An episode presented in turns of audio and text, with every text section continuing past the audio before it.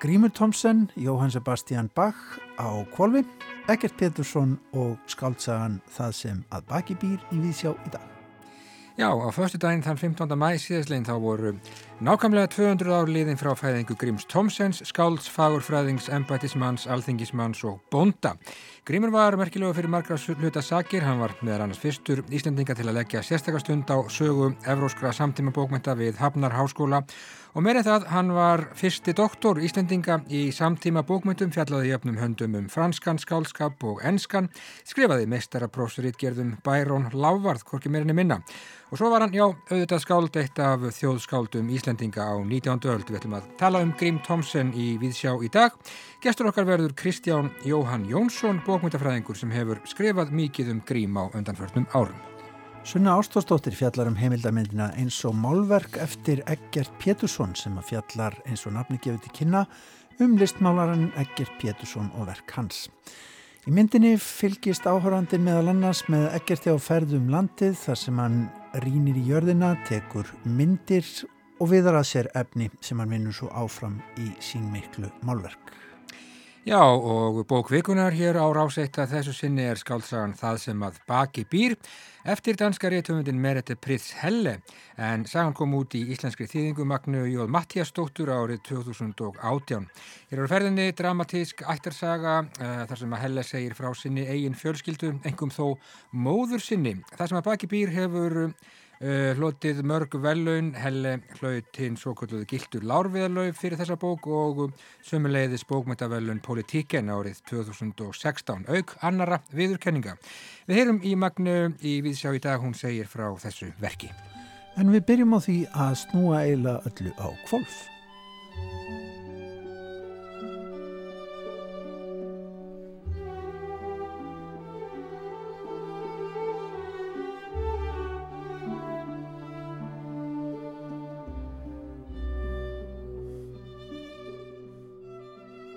Hvaða áhrif hefur viðsnúningur, útúsnúningur, umskipti, vending, umpólun og svo framvegis á listaverk?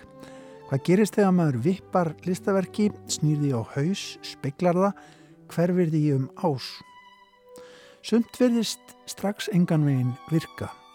Hinn ótrúlegi og risastóri Davíð eftir Michelangelo, rúmlega 5 metra há stitta, gengur vitanlega enganvegin upp á haus. Davíð væri enkenlegur likjandi út af líka og fáir pæla eitthvað í honum að ráði aftanfrá, skoða rassinn á honum og sjá þá að valslangan liggur niður eftir bakinu á þessari frægustu stittu endurisnatímans, valslangan sem að samt skiptir svo miklu máli í sögunni um Davíð og Góliat. En hvað með listaverk sem eru fjær sínilegum veruleika okkar, sem eru óhlutbundnari? Tökum til dæmis verk eftir fræga listamenn eins og Georgiou O'Keeffe, bandaríska málaran, eða rússan Vasili Kandinsky. Þau verðast ekki ganga eins vel upp séð þeim snúið á haus. Eða hvað? Er það kannski vanin sem að þar kemur inn? Þeir eru vön að sjá þessi verk á einn ákveðin máta, sjá þau snúa rétt. Þetta getur í það minnst að verið forvitnilega æfing að snúa verkunum við á vegnum og sjá hvað gerist. Kanski ég geri það þegar ég kem heim úr vinnunni. Maðurinn nefndur Dan Tepfer og er lungin tónlistamæður sem að býr í New York. Píjónleikari sem hefur tekið sér stöðum einhver staðar á landamærum klassískra tónlistar og jazz tónlistar. Hann býr í Brooklyn hverfi í borginni og hefur gefið út nokkra plötur. Bæði einn og sér og með samverkamunum sínum. Til dæmis hefur hann leikið með saxafónleikarnum Lee Konitz. Nefna hvað að árið 2011 gaf Dan Tepfer út plötu þar sem hann leik Goldberg tilbriði Jóhann Sebastians Bach. Nefna hvað hann sleitu eiginlega í sundur hvert frá öðru og skeitti inn á milliðra eigin spuna í lausbeisluðu samhengið við tilbriðin í kring. Við skulum taka dæmi, hlusta fyrst á tilbriði nr. 3.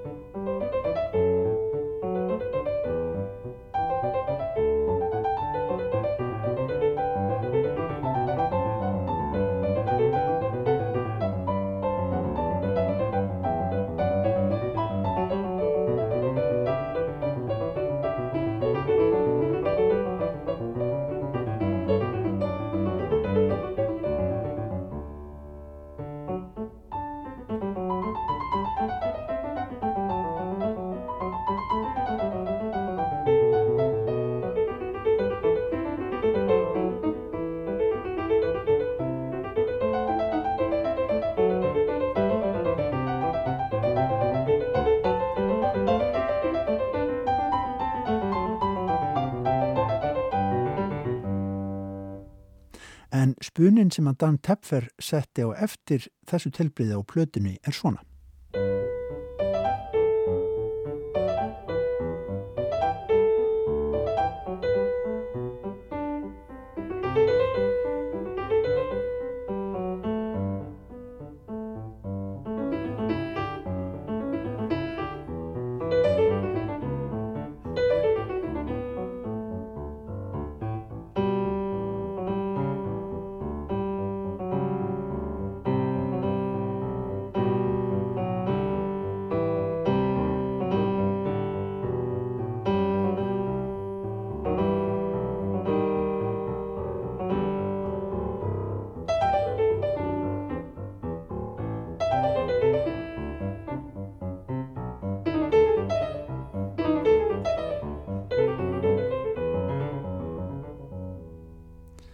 Nefna hvað að eitthvað virðist Dan Tepfer enn upptekinn af Goldberg-tilbyrðunum og þar kemur inn pælingum þetta sem við vorum að tala um áðan, að snúa listaverkum á haus. Fjallaður um Dan Tepfer og viðbröð hans við samkomiðbanni og ferðatakmörkunum í heimaborg sinni í New York í stórblæði borgarnar New York Times nú um helgina. En svo áviðum þúsundir tónlistamanna í þeirri borg og víðar var tekinum kift undan Tepfer nú í kófi undanfarana mánada. En þá gafst honum líka tækifæri til að vinnaða hugmynd sem hann hafði lengi dadrað við. Tepfer er greinlega ekki fysjað saman. Hann er með stjarnelisfræði gráðum með fram píjónuleiknum, auðvitað, og engar tækni læs maður. Hann fór út í það að skrifa tölvuforrit sem á endanum tók hann upp þar sem hann satt við Yamaha píjónóið sitt og leik píanóið sem að jafnframt er þess eðlis að það er líka sjálfspilandi og svo snýr hann sér aftur að Goldberg tilbriðum baks. Skulum heyra nú hvað Tepfer létt forritið gera. Aftur er það þriðja tilbriðið sem við líðum á, fyrst svona, venilegt.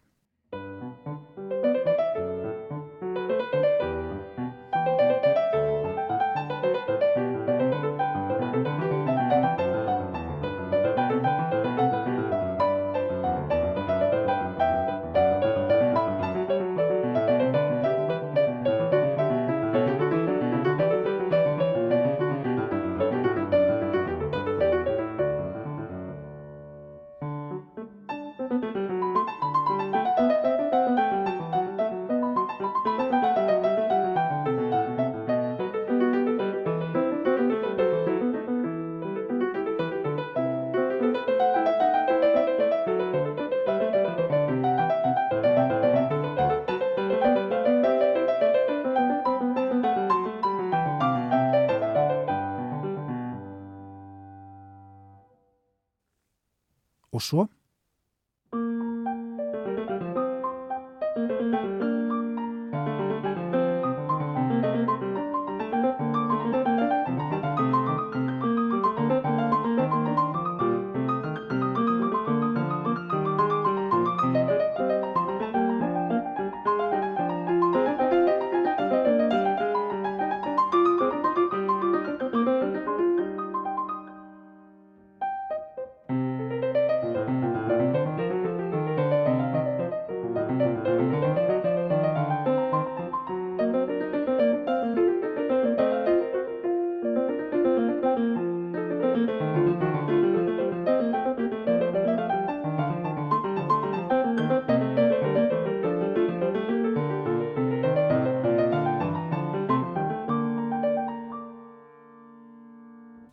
Jú, forritið hans dans Tepfer snýr bakk á haus og á YouTube er hægt að sjá hann leika á píanóið, sitja við tölvuna og kalla fram viðsnúningin.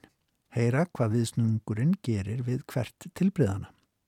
Verkarnið kallar Tepfer og notast við millumerkið Bach upside down, Bach á haus. Kontrapunktur Bachs dugar engar vel í slíka speiklun. Hljómurinn er einhvern veginn kunnulegur en samt ekki. Dan Tepfer talar sjálfur um að þetta sé eins og að horfa á Bach í gegnum ljósbrjót, prisma. Þetta fari að virka eins og ný tónlist. Tónlistin sé í raun kunnuleg en einhvern veginn ný.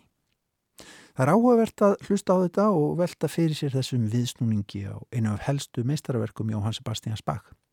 Andblær mistarans skila sér greinilega í viðsnúnu útgáfunum en allt er einhvern veginn enkjænlegt og skakt. En skemmtilegt er það og auðvelt að fara á YouTube til að slá upp Bach Upside Down. Arian fræga sem að rammar verkið inn í upphafi og í lokðess hvers frægu upphafstónar hljóma svona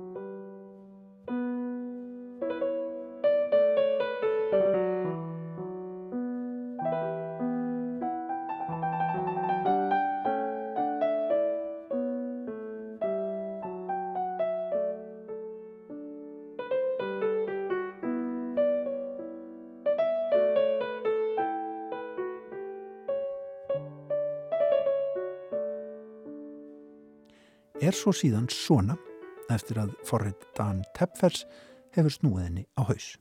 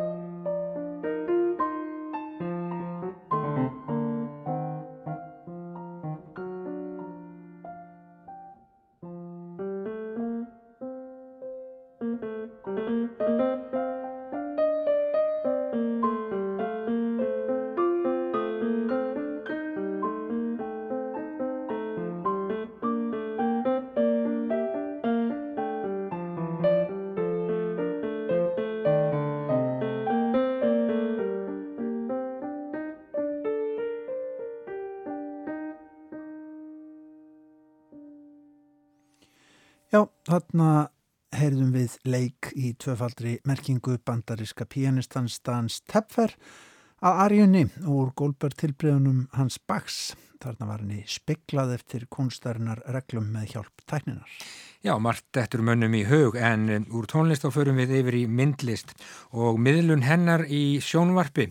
Sunna Ástórsdóttir myndlistarpenni okkar hér í Víðsjá, hún hefur verið að horfa á sjónvarpið á heimildamyndina eins og málverk eftir Eggert Pétursson eftir Gunnlaug Þór Pálsson. Blóðberg, gulmadra, dýragras, tifandi, bláklökkur. Eggtvíblafka, vetrablóm og klettafrú. Steinbrjótar, ljónslappi, brunugras, krækiberjaling og hjarta tvíblafka.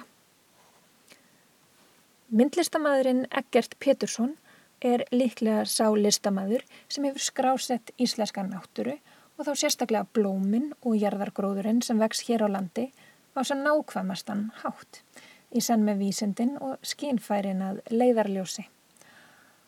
Á dögunum kom út ný heimildarmynd um list, feril og blóma áhuga Eggert eftir Gunnlaug Þótt Pálsson sem ber titilinn Eins og málverk eftir Eggert Pétursson.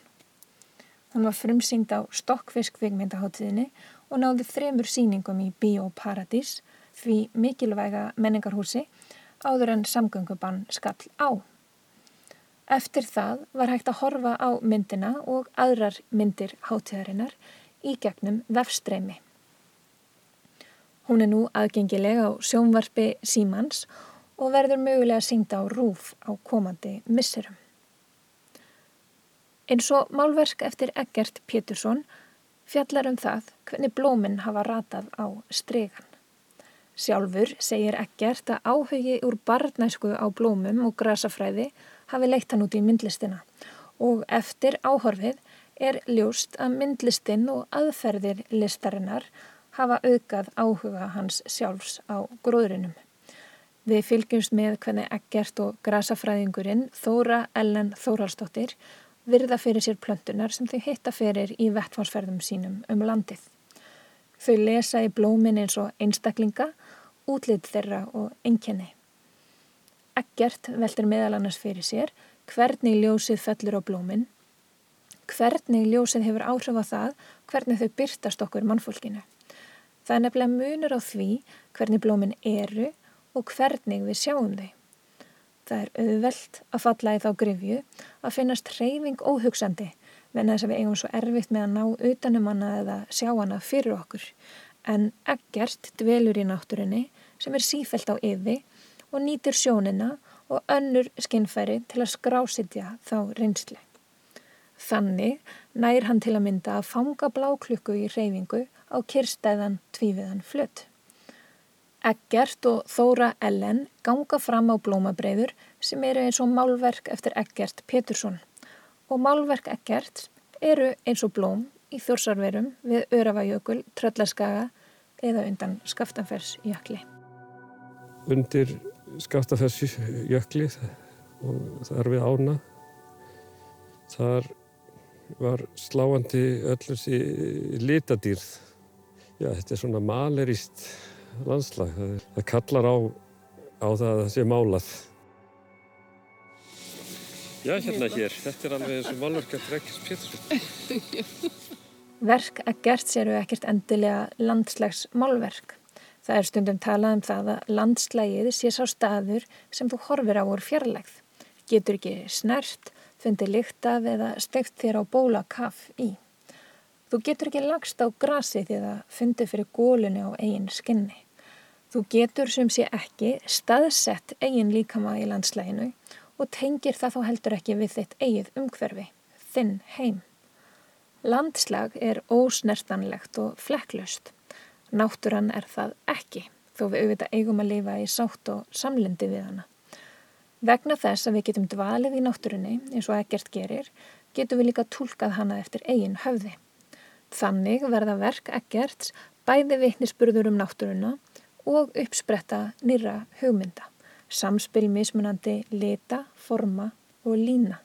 Eða eins og Ingólfur Arnarsson, myndlistamæður og vinur Eggerts, segir í myndinni Blómi sjálft er burðarvirki fyrir lit. Heimildarmyndir af þessu tægi eru afskaplega verðmætar. Myndir sem veita insýn í mismunandi sjónarhorn, varðveita og skrásetja áhrif þeirra einstaklinga, hópa og fyrirbæra sem hafa mótandi áhrif á menningu okkar og samfélag. Það getur stundum háð samtímalistinni að við áhörvendur virðumst þurfa ákveðna likla fyrirfram til að geta lesið hana.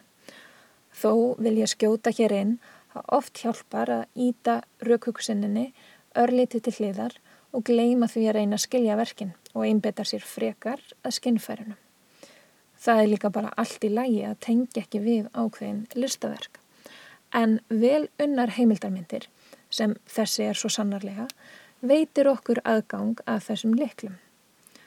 Verk Eggerts eru reyndar í sjálfu sér aðgengileg og bjóða áhörvendur innilega velkomna.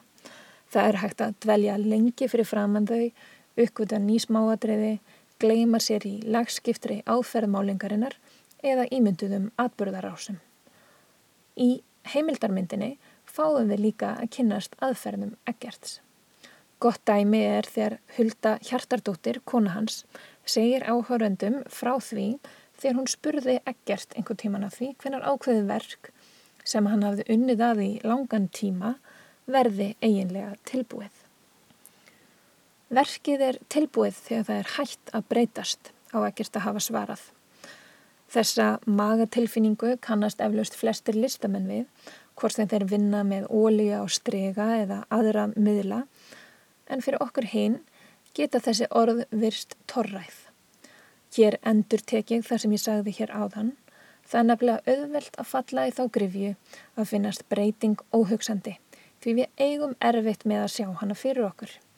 En í myndinni eins og málverk fáum við að fylgjast með því sem gerist á streganum og sjá með eigin augum hvernig fluturinn tekur stakkarskiptum. Eggert deilir meira segja með áhörvendum urskriftum sínum á verkunum. Áður en hann byrjar að vinna á strega fer hann í gegnum myndir og minningar frá vettvánsferðunum, skissar og færir ítarlega í orð forskrift verkana. Það er kannski best ég lesi bara uppskriftina hérna, ég hef nú ekki lesið þetta lengi. Beitiling, ljósteplar, klasar, fölbleikir, stjörnur, dökklauf, aðarlega myndi með áhrif, dökkmynd yfirsín líkt og borg í myrkri og flugvel, hreyfing, flögt, líkist þrývítamyndum þegar hort er á hana. Íðar hún og minnstur sjást verður þrývíð. Já, ég var nú mjög spenntu fyrir mitt. Mér langar til að minnast á aðra heimildarmynd sem er í uppáhaldi hjá mér. Myndina Vinterbilluð eða Vetrarmynd eftir Jasper Jargil. Sú mynd fjallar um danska myndlistamannin Per Kirkibu eða öllu heldur verk sem hann málaði veturinn 1994 til 1995.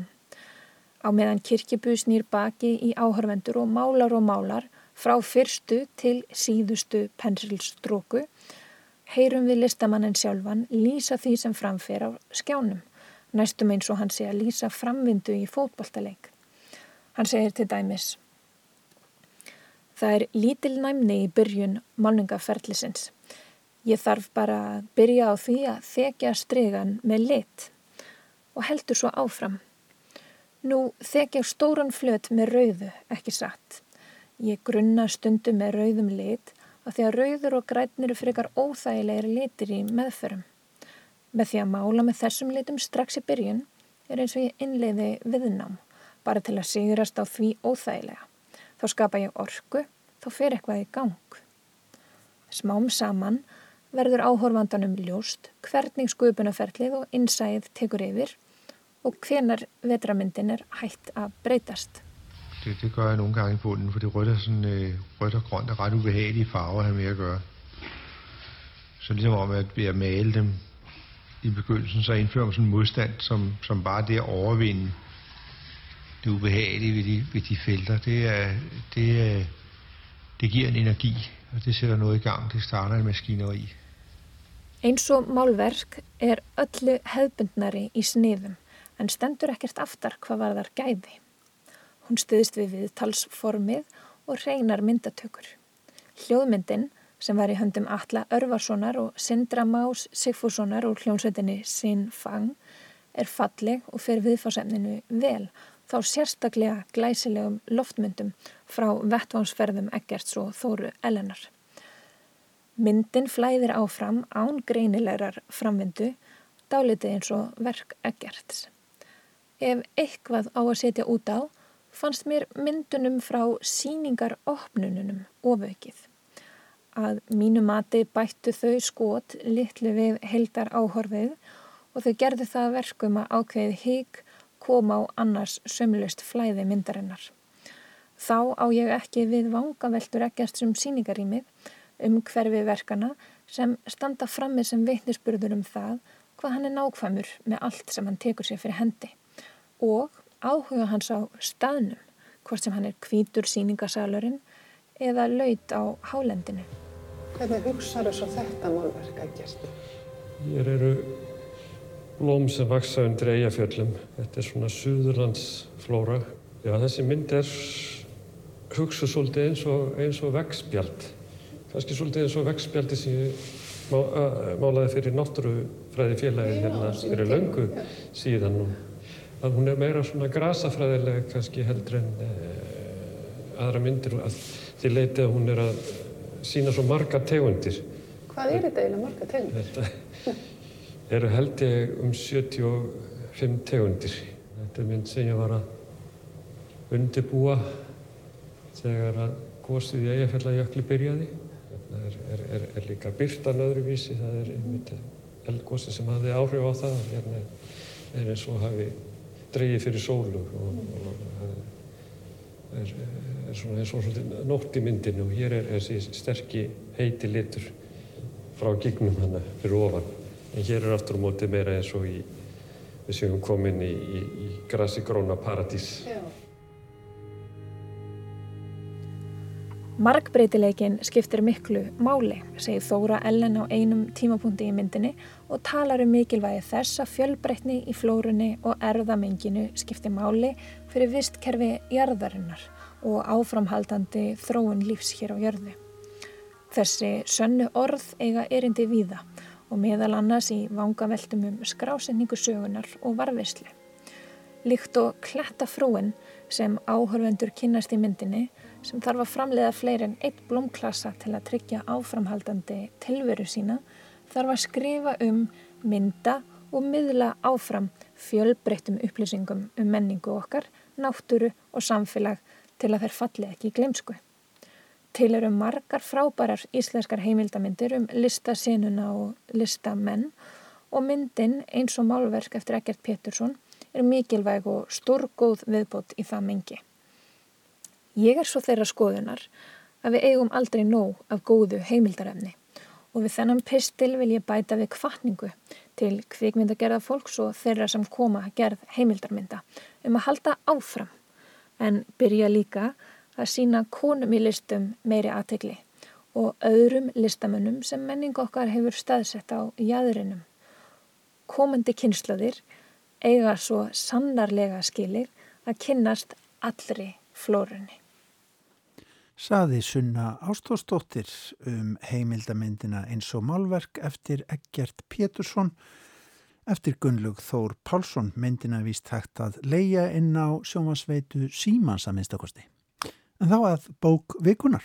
Já, hún er að þessu sinni skáltsaga sem að heitir Það sem að baki býr og eftir, er eftir danska réttuhundi Merete Priðs Helle en þetta er saga sem að koma út í íslenskri þýðingu Magnu Jóð Mattiastóttur árið 2018 hér er á ferðinni Dramatísk ættarsaga þar sem að Helle segir frá sinni eigin fjölskyldu engum þó móður sinni og Hellegur fengið ímsar viðurkenningar fyrir þetta verk. Við skulum grípa niður í viðtal sem að Halla Harðardóttir átti við Magnum hér í Víðsjá fyrir um það byrjum tveimur árum eða svo.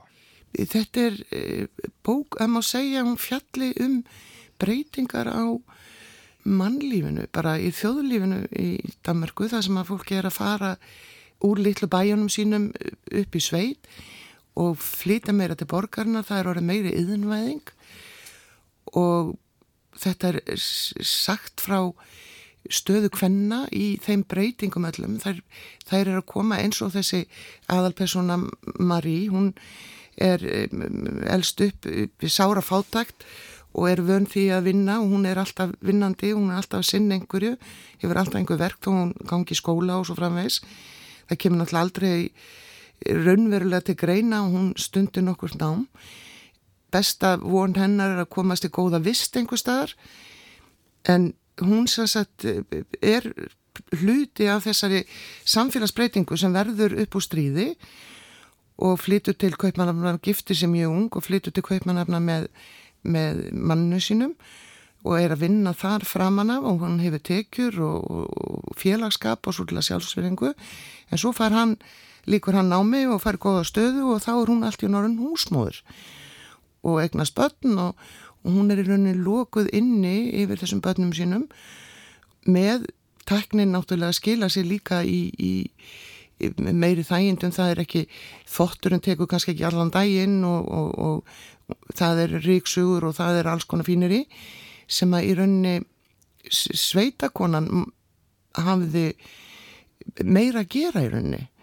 Þannig að hún hefur óbáslega mikið af tíma sem ekkert fyllir og það leggst mjög þungt á hana hún fær eh, hugsanlega fæðingaþunglindi eftir, eh, eftir að hafa egna spötnin en stór partur er kannski að lífin er, er afskaplega innandóm það snýst í kringum manninennar og ég á heimilið og svo börnin sem að, sem að hérna, hún hafi mjög skoðu sambandi við. Mm -hmm. Þannig að það má segja að þetta sé líka stúdía í, í hvernig ég er bara í stöðu kvenna frá, í gegnum þessar þessar breytingar og, og, og náttúrulega eins og allir vita þá verður hérna á sjönda áratöknu þá verður uh, tölverð um, kemur upp rauðsokkurhefingin og ímsa kvennarhefingar þar sem að er verið að, að, að um, berjast fyrir meira jafnbretti og konun njóti meiri virðingar og svo framvegis uh, geti fengið sér mentun, geti unnið úti þó að séu giftar og allt þetta. En, en Mari er ein af þeim fjölmörgu konum sem að þessi bildingirunni fer fram hjá. Og þetta er, hún er í, hún er þunga meðja þessari bókar, sjónum er bengt að henni og alveg frá því að hún er lítið stelpa heima á, á Langalandi í, í, þessu, á þessu fátaka heimili. Það náttúrulega veldur tölurinn spjöllum að, að pappina slasast þannig að, að það þrengist ennum hag fjölskyldunar og kannski er það eina af ástæðinu fyrir því hún giftist svona ung hún vil koma spurt og hún vil hafa allt reynd og fint í kringu sig, hún vil hafa eiga fallega hluti og, og hún vil losna við þessa, þessa bensku. Hún er að reyna ítenni frá sér og umfaðma, getur maður sagt, borgarlega gæði. Mm -hmm. Það kemur þarna málverk við sögu sem er aldrei mikilvægt. Já, það er í rauninni e, það sem að gefur dansku bókinni e, heiti málverkið sem að pappina kemur með heim eitt daginn e, það heitir Fegur alþjóðnar og þetta heitir Folkets Gunnheðbókin á dansku en einhverju þetta vegna leist útgjöf, íslenska útgjöndunum ekki á þetta nafn. Fannst þetta kannski og mikið minna á sósjálrealistiskar baráttu sögur úr greppinu eða eitthvað slíkt, ég veit ekki skýringun á því en við, viðtökurnar við þessu mamma verður nú ekkit mjög hrifin af þessari mynd en, en Mari finnst hún eins og það sé komið þegar hún búið að hengja hann upp að það sé komið nýr gluggi á húsið. Og lesandin veit auðvitað að þetta er rándýrt málverk, þetta er Vincent van Gogh. En það vita þau ekki. Og þegar amma Mari kemur í heimsók þarf að taka þessa óseilu mynd vera vegg og hengja hann upp út í fjósi. Og þegar fadurinn er orðin ósjálfberga þá fjarlægir móðurinn þessa myndina og hengir í staðin upp ljósmynd af ljóta e, heimilinu þeirra, ljóta húsinu þeirra, kóaskriflinu og þá er búið að taka þessa fegurð úr heimimari í rauninni. En hún er samt undirlegjandi fegurinn eins og í þessari mynd er daldið í, í vinnu fólksins, í fólkinu sem að þrælar myrkranamilli og það býr fegurð í, í þessari sögu sem er að mörguleiti ljót. Hún segir frá ljótum hlutum sem að uh, stúlkan upplifir. En undirleikjandi er samt einhver viss hlýja vist uh, svona það er fólk sem heldur saman, það er vinátt það er, það er ást, það er ímislegt í gangi. Þetta er svona svolítið eins og kannski lífið Og höfundurinn er að draga þetta fram í ljósið auk þess að varpa ljósi á stöðu þessara kvenna sem að voru ekki luta af þessari kvennabildingu. Já, nákvæmlega og er, er fyrir, hvenna, er fyrir þessa bildingu og eru fyrir utanna. Mm -hmm. Það er sama hvað maður segir svona eftir á. Nú var ég náttúrulega ung hérna í kringu 70 og fór í göngur og tók þátt í þessu öllu saman og þótt þetta óskaplega spennandi. En þetta voru aðalega mentakonur. Þetta voru betur, betur stæðar uh, konur úr, úr borgarstjætt húsmaðurnar vildu gleymast og, og verkakonurnar vildu gleymast og þannig var það bara húsmáðurinn eh, ekki bara lendi utangar seldur var hennilega leitið niður á hana mm -hmm. og það var sorglegt vegna þess að, að sjálfsög eiga konur að fá að velja við hvað það er vinna og ef það vilja vera þrýfaslapparar þá var það bara mjög virðingavert Saði Magnea Jóð Mattiastóttir um bókina Það sem að baki býr eftir Meretti Prits Helle sem er bókvikunar á rás 1. Jón Yngvi Jóhansson, bókmyndafræðingur og Steinun Stefansdóttir, bladamöður, ræða við auði aðalstensdóttur um bókina á sunnudagsmorgun. Það er endur tekinn þáttur. Já, en þá ágetur hlustendur bregðum við okkur örlítið aftur í tíman að gefnu tilefni. Rhythm, Rhythm,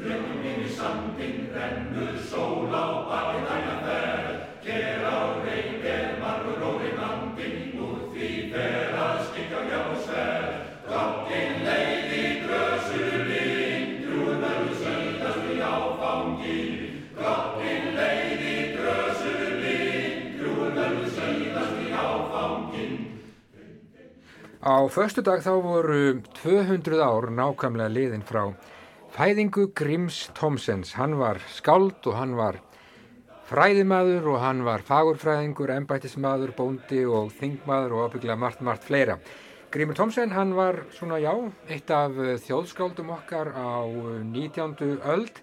Merkilegur fyrir margra hluta sakir, um, stertimenni sögðu sumir, rókafullur sögðu aðrir En uh, vist er að Grímur var merkilegur og hann var uh, á undan mörgum öðrum í því að uh, fjalla um, já, euróskar samtíma bókmyndir á sínum tíma. Fyrsti doktorinn sem Íslandingar eiga í, í samtíma bókmyndum. Hann er komið til mín hann Kristján Jóhann Jónsson sem að hefur öðrum mönnum meira skrifað um Grím á síðustu árum. Hann hefur gefið út tvær bækur um Grím, önnur heitir Kall tímans og svo er önnur bók sem að heitir Grímur Tomsen þjóðurni skálskapur Þersagnir og vald þar sem að er doktorsritgerð Kristjáns. Verður hjertana velkomin í Víðsjá Kristján Jóhann uh, til hamingi með afmælið. Af hverju ættu við að mun eftir Grímur Tomsen Já, þakkaði fyrir það þessa spurningu, það er ég, það, það áist aldrei að svara með annari spurningu en það mætti kannski spyrja að hverju eigum við að muna eftir sögunni? Mm -hmm. eða því sem gerst hefur. Það, Grímur Tomsen var afskaplega sérstakur maður í íslenski menningarsögu og hann segir, sagan segir okkur mjög margt um þá tíma sem við erum í og, og ég hef nú svona frekar trú á því að gleym ekki sögunni, finnst hún skipta máli og, og hann eh, tekur við á mörguleiti af fjölnismönnum, þeir grýpa upp þennan nýja tíma sem er í romantíkinu og bera hann fram að miklum styrk og, og Grímur Tomsen er eiginlega næsta skref. Já. Hann er, hann er maður borgarinnar, maður menningarinnar, fræðilegra þekkingar, alls þessa sem að hefur síðan einkjentinn flokna tíma sem kemur eftir innbyltingu. Já. Þannig séð er hann, er hann uppásmaður og táknýra tíma sem er endalust merkilegt því að það gekk á honum alla tíð að hann væri maður fortíðarinnar og hann væri svona manneskja sem að helst vildi bara ganga í hauga fornmanna og hveðast á við þá þar. Bergrísi. Bergrísi á 19. öld og allt hvað eina og, og, og meira að segja að eh, þetta, til, þetta tilvittun í hvæð, þetta er Grím sjálfan sem orti um það að vera Bergrísi á 19. öld mm. hvæði sem að sjálfsögðu fjallar um það að maður eigi ekki að vera það. Já en því var snúið upp og hann sjálfan menn það er svona vill hann vera sögum sko. En Grímur hann var bráðger hann fyrir kortmungur til Kaupmannhafnar bara 17 ára gammal og skrifar þá réttgerðum um nýjan franskan skálskap þarna 41, 42 ja. og svo takk fyrir réttgerðum um Bærón Já og bókans um Bærón sem er heil mikil bók hún er fyrsta stóra verkið um skáldið Bærón á Norðurlöndum ekkert bara á Íslandi, þetta er á Norðurlöndum og, og Kaupmannahafnarháskóli var ekki einu sinni við þessu búin. Þeir eru það kalla til frönsku sérfræðingsinn til að, til að hérna, meta prófið. Þetta var masterspróf eða meistrapróf á sínum tíma. Breyttist svo í doktorspróf vegna þess að skólakerfinu var breytt í Danmörku. Það var, í, sko, það var þeir eh, settu upp meistrapróf í árósum og víðar og, og þá færðu þeir upp þessar eh, reytjari sem voru fyrir, próf sem voru fyrir það var bara svona breyting á mentakerfinu Já, það er hérna, doktorsnafn og þannig nýja ára síðar. já, já, eins og aðrir sem voru með þetta próf sem hann var með. Já.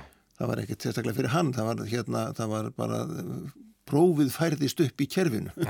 En skrif hans um bókmyndir Kristján, um, svona ákvaða uh, ákvaða hugmyndafræðilegu róli var, var Grímur Tómsen á, á sínum tíma? Hvar var hann statur? Hann tekur upp þráð romantísku stefnunar mm -hmm og hann ræðir mikið um gildi þjóðríkisins, um, um, um, um gildi þess að mann skilji uppbrunnar sinn, náttúru sína, sögu og persónuleika sinn sem að er að hans mati eins og hans samtíma manna eh, verður ekki skilin frá náttúru og sögu. Eða, eða þeirri sögulegu reynslu sem liggur í þjóðinu og þetta, og þetta um þetta fjallar hann á ótrúlega skýran og skilmerkilegan hátt í sínum réttgerðum, skrifaði margar réttgerðir og, og greinar í dansk blöð sem þau verið þýtt en því miður ekki nógu vel þýtt því að það er merkingu verið oft breyst í þeim íslensku Já. útgáðum sem við höfum svo fyrir þá sem vilja kynna sér það þá er það ansið mikið betra að fara beint í dönsku útgáðunar. Svo er hann að skrifa er það ekki um já, sérkenni íslenskra bókmenta, hann er að skrifa um sérkenni forn norræns skálskapar Jú. og fleira. Jú, og hann er náttúrulega, hann er náttúrulega uh, það verður að byrja þar eiginlega, hann er frjálslindur, hann er liberalisti, hann uh, er borgarastjættarmadur eitt af því sem að Ísland, landar hans skildu aldrei við hann því það var ekki komin einn borgarastjætt og engin innbylting á Íslandi sem við stundum segjum við nú svona í gríni að við Íslandingar höfum kynst hjólinu í upphafi 20. aldar en það er ekki alveg satt en, en það er satt sem áður ákveðin sannleikur í því því að, því að grímur fjall eðlilega inn í danska yðnaðamannastjætt og borgarastjætt sem var hann var svona úrsmið mentað Aristokrat? Nei, hann var ekki aristokrat en það er hinn rótgróð um, Umgeksta aristokrata í ég, sko, Það sem er að gerast í samfélagi í Evrópu er það að, að borgarastjættin er að eignast peninga Já. og hún er að byrja umgangast aristokrata en það er ekki heppilegt samt að slá þessu saman öll í eitt bing og segja að það þýðir að borgarastjættar menn eru aristokratar því á þessu var mikill grundu allar munur mm -hmm og, og, og, og borgarastjættadrengirnir voru í allt annari stöðu heldur en aristokratarnir. Allir vinir grím sem þú finnur í brefastjæftum hana, þeir eru borgarastjættarmenn í Danmörku. Þetta er henn nýja stjætt og Íslendingar sem ekki áttu neina borgara, sætt að segja, á þessum tíma. Ja þeir skildu ekkert um hvað þetta snerist. Og þess að þaðan kemur svo góðsögn eiginlega að hann hafi verið aristokrat, hann hlaut að vera það því að, því að fínt fólk var aristokrat og hann átti, svo, hann átti svolítið að peningum, pappas átti svolítið að peningum, alls ekki mikið miða við danska aðarspilta, það er miskilning. Og eittu öllum peningunum í, í fött og var svona kannski fyrst í dandín sem við Íslandingar já, sko, höfum átt. Já, Sko þa þar kemur enn hvernig, sko það er ótrúlega gaman að þessu manni vegna þess að orðræðan hleypur alltaf frá manni sko að hann eitthvað ekki að drosalega miklum peningum í född. Ef þú ferði í reikningana sem að, sem, og Þorgrymur sko ráðsmaður og ekonómus á, á bestastöðum helt vel utan um það, hann vissi vel hvaða peninga voru að fara, hvert er voru að fara, en hann kefti sér fín född og það var út af því að hann hafði séð leiklist, hann skildi að hann varð að leika mm. borgaradreng, hann varð að leika mann sem átti peninga og, og þar, með, þar leik hann á alla sína landsmenn að mörguleiti vegna þess að hann leik hlutverkið vel. Já.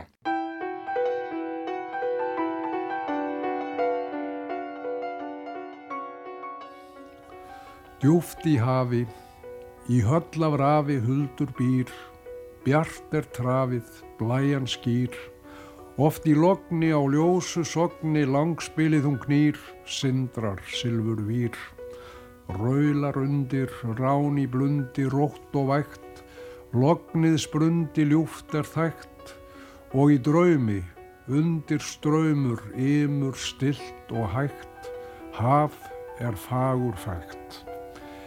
En í kalda er kvikar alda kreppist glær, hærri galdur huldur slær, strengir hlimja, hrannir glimja, hvítar, nær og fjær, rimur sollin sær.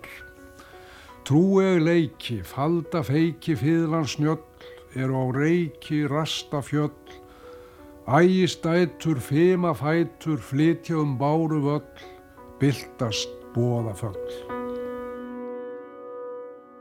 Hann skrifar þessar greinar um, um, um bókmyndir og það eldist sumt að því bara bísna vel, ekki satt?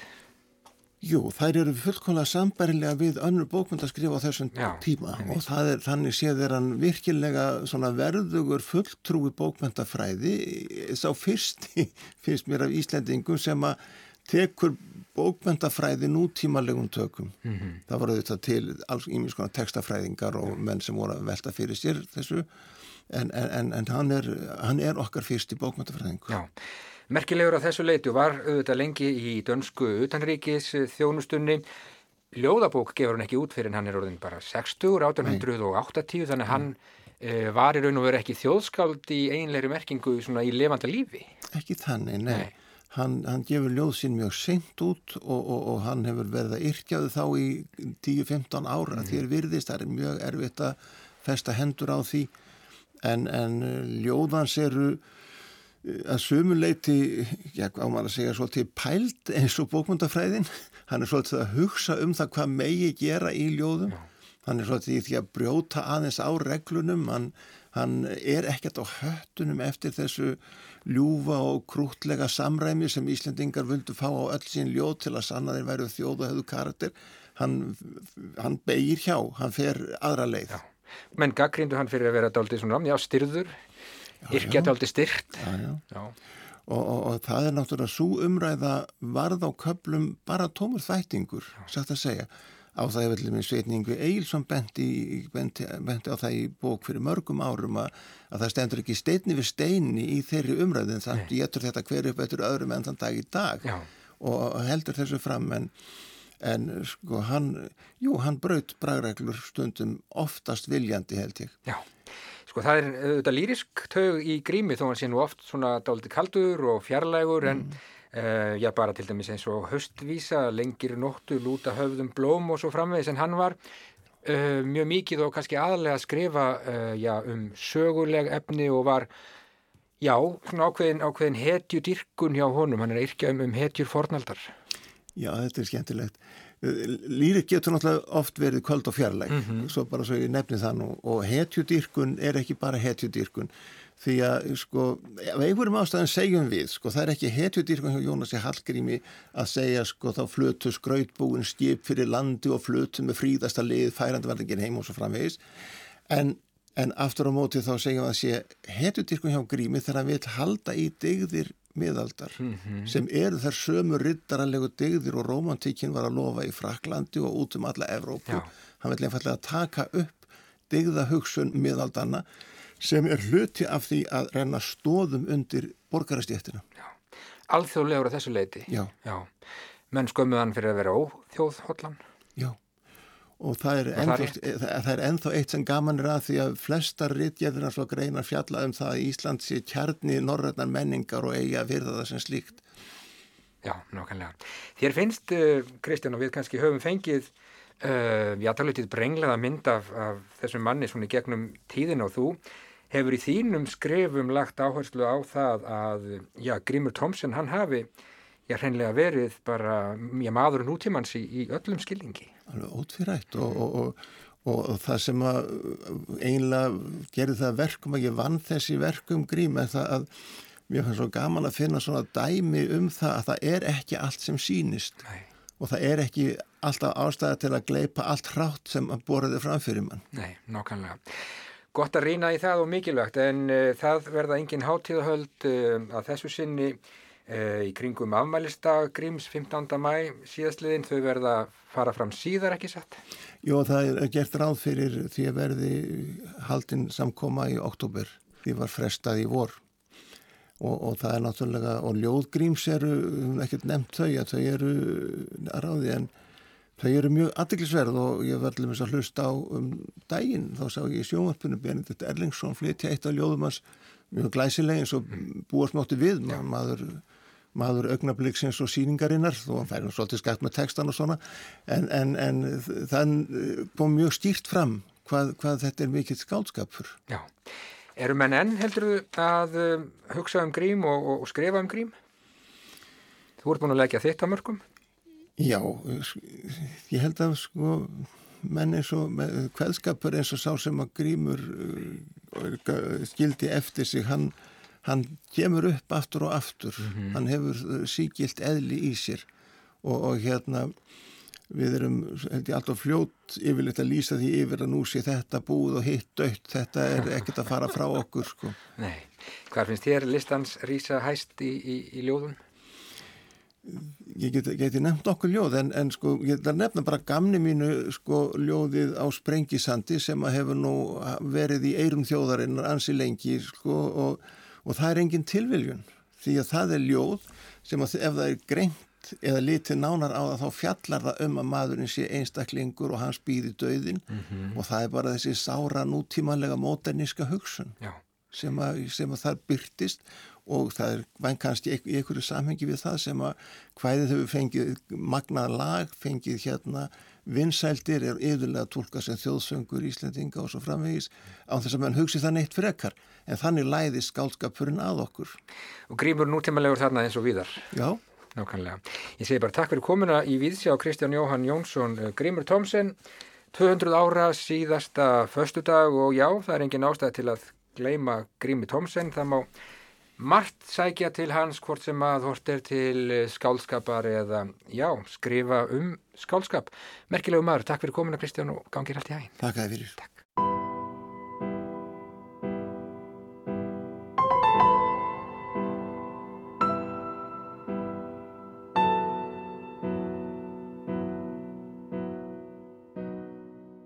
Endur minningin merlar æg í mánasiluri hvað sem var.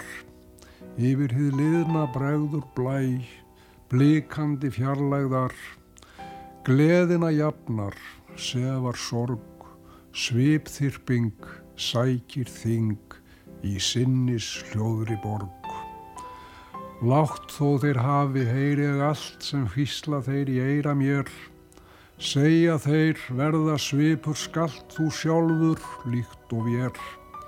Kvöldróði lífsins kenni þér að kemur skjótt einn svala nótt og svefn í skauti ber. Í æsku fram á lífsins leið við lítum en ei annað neitt. Vonandi að breyða gatan greið grænum sé blómum skreitt En aftur horfir elling á, sólarlag, liðin dag, laugar í gulli þá.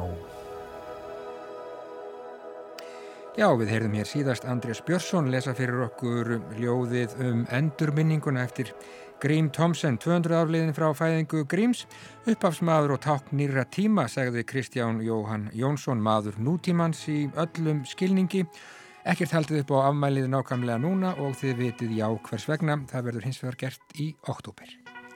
Já, en svona ljúkum við við sjá í dag. Ágættur hlustendur verðum hér aftur á morgun klukkan 16.05. Takk kærlega fyrir samfélgina í dag. Verðið sæl. Verðið sæl.